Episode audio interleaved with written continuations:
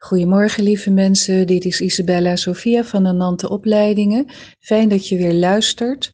Vandaag heb ik een uh, pittig onderwerp voor jullie, wat ik met uh, jullie wil bespreken. Uh, of dat wat ik wil belichten vanuit onze visie hier. En dat is een, het vijandbeeld wat we hier op aarde in stand houden.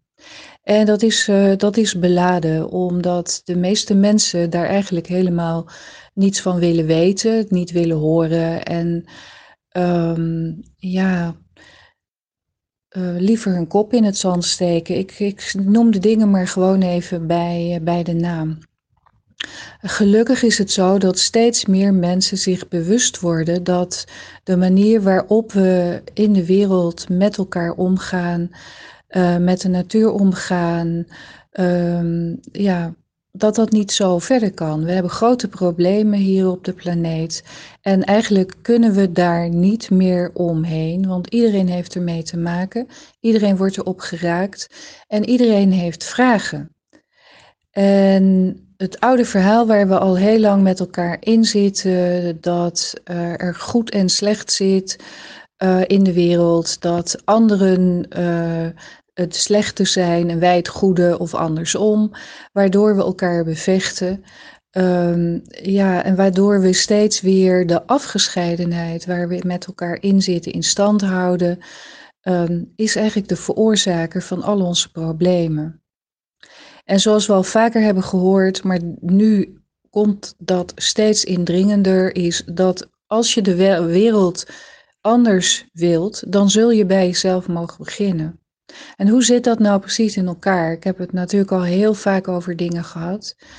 Uh, maar ik wil het al, al, ja, misschien moet ik het wel honderd of duizend of misschien tienduizend keer vertellen om het te laten doordringen. Want ik heb er zelf ook heel lang over gedaan. Ik ben mijn hele leven lang al aan het zoeken naar antwoorden op de vragen die ik al vanaf kinds af aan had. Dus ja, weet je, het kost ook tijd, omdat het nogal wat is om tot je door te laten dringen en om je bewust te maken dat alles wat er gebeurt in je leven een, een stukje met jou te maken heeft.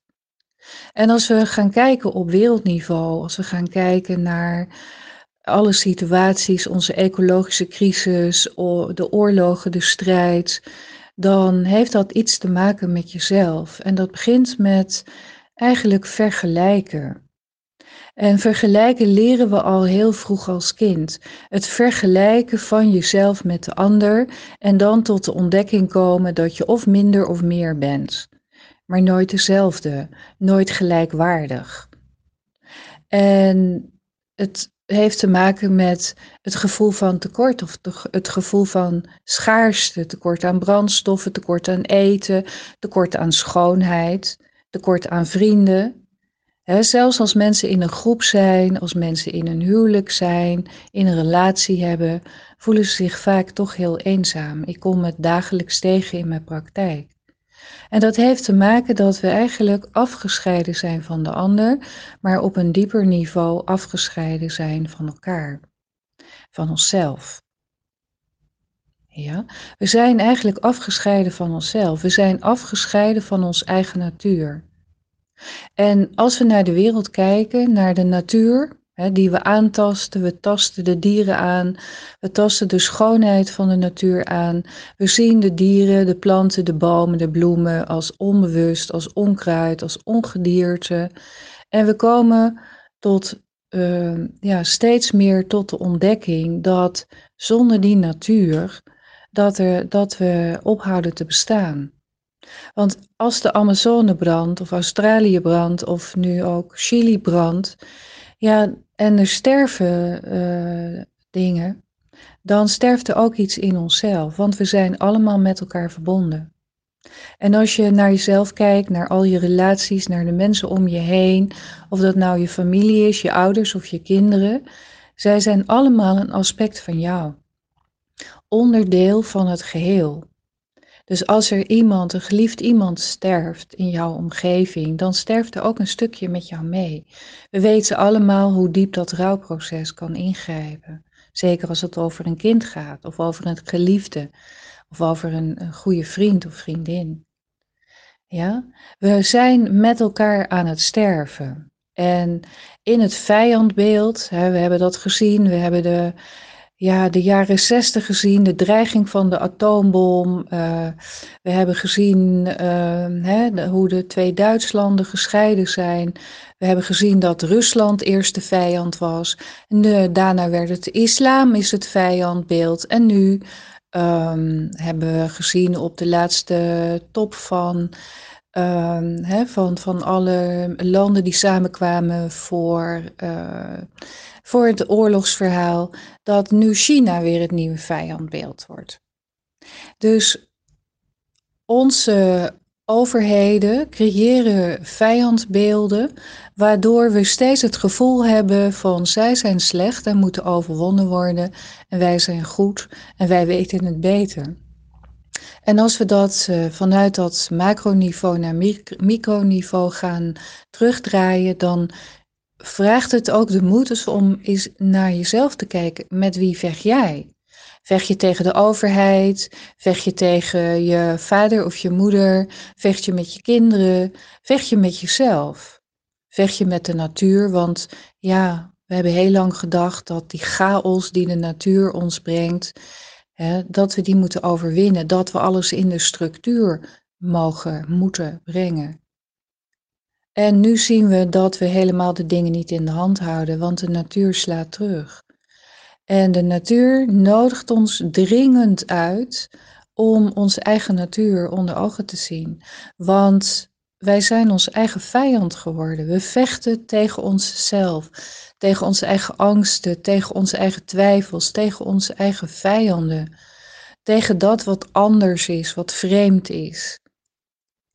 We vechten tegen ziekte, zonder ons af te vragen, maar waarom ben ik eigenlijk ziek? Wat wil mijn lichaam mij vertellen?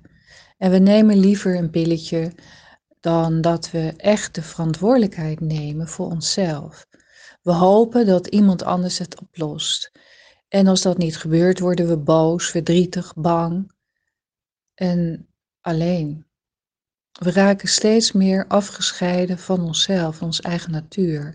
In mijn laatste podcast over de wereldbranden, over het branden van Australië, van Amazone, heb ik dat ook gezegd. Van ja, we zijn afgescheiden van onze eigen natuur. En die natuur in al haar liefde en kracht nodigt ons uit om bewust te worden. Net zoals ons lichaam, ons fysieke ons lichaam, als we ziek worden of als we koorts hebben, vuur is, uh, koorts is ook vuur, doen we ons best om dat te onderdrukken in plaats van ernaar te luisteren. En onze planeet nodigt ons uit om te luisteren, om tot ons door te dringen. En hoe ver laten we het gaan voordat we wakker worden? hoe ver laten we het gaan? En deze dringende waarschuwing, het onderzoeken van je eigen vijandbeelden. Ja, weet je, ehm, ik ben niet religieus, maar ik ben wel erg gesteld op vele meesters, waaronder Jezus. En hier gaat het over. Ehm, het verhaal van uh, heb je vijanden lief? Want die vijanden waar je zo bang voor bent, of waar je jezelf mee vergelijkt, waar je jezelf beter of juist minder door voelt, uh, waar je jezelf van afscheidt, dat ben je zelf. Dat zijn je eigen donkere, duistere kanten die verwrongen zijn geraakt, die je hebt onderdrukt en die wakker worden en die op de deur kloppen. Sterker nog, ze rammen op de deur en ze willen dat die deur open gaat, desnoods met geweld. En deze waarschuwing komt ook niet, op, uh, niet zomaar, omdat we vanaf 12 januari uh, een samenstelling hebben in de kosmos tussen Pluto en Saturnus in Steenbok op de 22e lengte, uh, lengte of breedtegraad. Dat ben ik even kwijt. Uh, 22 uh, is ook het uh, jaartal 2020 uh, heeft een meestergetal in zich. En de 22 gaat letterlijk over de verbinding met jezelf en de verbinding met de ander. En de verbinding met jezelf, het meestergetal 11, gaat over ken jezelf. Ken jezelf. Ja, en Ken jezelf is eigenlijk de uitnodiging om naar meesterschap te gaan. En meesters hebben we nodig hier op de planeet met een nieuwe visie.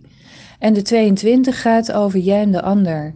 En eigenlijk jij met je innerlijke man of vrouwelijke energie. Dus de energie tussen mannen en vrouwen. Hè, want als er één grote strijd is, dan is het misschien wel tussen het vrouwelijke en het mannelijke. Dat mag opgeheven worden. En wat doet Pluto? Pluto gaat heel diep, laat je heel diep afdalen naar je wortels, naar de onderwereld, je onderbewustzijn, naar alle schaduwen die vastzitten in je systeem. En zal die naar buiten duwen. Saturnus is de begrenzer, het is de laatste planeet. En daarachter zit de duisternis. Het is de vadertje tijd, het is de strenge vader, het wijzende vingertje.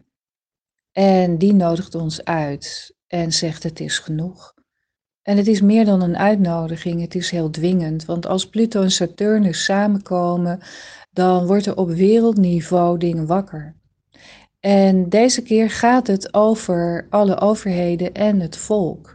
En we zijn als, als volk, als mensheid al heel lang voor gek gehouden. We weten het, er zijn genoeg onderzoeken, wetenschappelijke bewijzen gevonden dat onze gezondheidszorg helemaal afhankelijk is geworden van een farmaceutische industrie die ehm, in feite niet echt uh, gebaat is bij onze gezondheid. we, zijn, we, we zijn, nou, we hebben onze macht weggegeven. We willen liever dat de ander het oplost. En we zoeken de makkelijke weg. En die houdt op te bestaan. We zullen echt met z'n allen wakker mogen worden. En wil je iets veranderen in de wereld, dan mag je iets veranderen in jezelf, in je gedachten, in je gevoelens. Als je bang bent voor de bossen uh, in Australië, ga dan niet meelijden en ga je niet je aandacht vestigen op al dat vuur. Richt je aandacht op de koelte en op de regen en op daarin de heling van Australië. Want dan richt je je aandacht op dat wat nodig is en niet dat wat um, kapot maakt. En het richten van je aandacht op een andere wijze, vanuit een andere visie, dat is wat nodig is. Het begint bij onze gedachten, onze gevoelens, onze woorden, onze daden. Richten op daar waar we naartoe willen. En we hebben dringend mensen nodig die met een nieuwe visie, met andere ogen in de wereld kijken. En we worden ons steeds meer bewust hoe belangrijk die natuur is. En dat begint bij jezelf. Wat ben jij? Wie ben jij? Wat past bij jou? En hoe wil jij in de wereld zijn?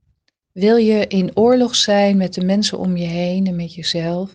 Of ga je werkelijk de uitnodiging aan de, de helpende hand van onze planeet, van de kosmos, van alle grote krachten om ons heen, die ons de hand reiken en zeggen: jongens, het kan niet zo meer doorgaan. Het is tijd om te veranderen.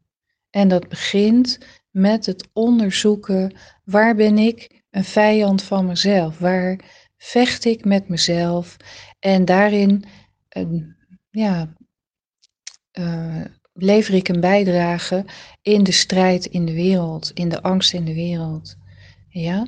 Dus we kunnen de wereld daarbuiten alleen veranderen als we allemaal beginnen met onze binnenwereld uh, te veranderen. Nou, ik hoop dat ik uh, jullie inspireer en dat ik deze dringende boodschap van verandering, um, ja, dat het aankomt. Heb je vragen? Wil je erover praten? Laat het me weten. Uh, je bent altijd welkom. Er zijn open dagen. We hebben altijd ruimte om uh, te chatten of te mailen met je. Hè, maar wij zoeken mensen bij Ananta die bereid zijn, die die, die, die intrinsieke motivatie hebben van het begint bij mij. Ik wil leren hoe ik dat kan doen en ik wil een werkelijke uh, wezenlijke positieve bijdrage leveren aan een nieuwe tijd, een nieuwe planeet. Dus ik roep jullie op voor degenen die werkelijk, werkelijk het verschil willen maken, maar ook de moed hebben om hun kop boven het maaiveld uit te steken en te zeggen, en nu gaan we het anders doen, maar ook daadwerkelijk durven leven en durven uitdragen. Wees welkom en laten we met elkaar een nieuwe wereld scheppen. Dank jullie wel voor het luisteren.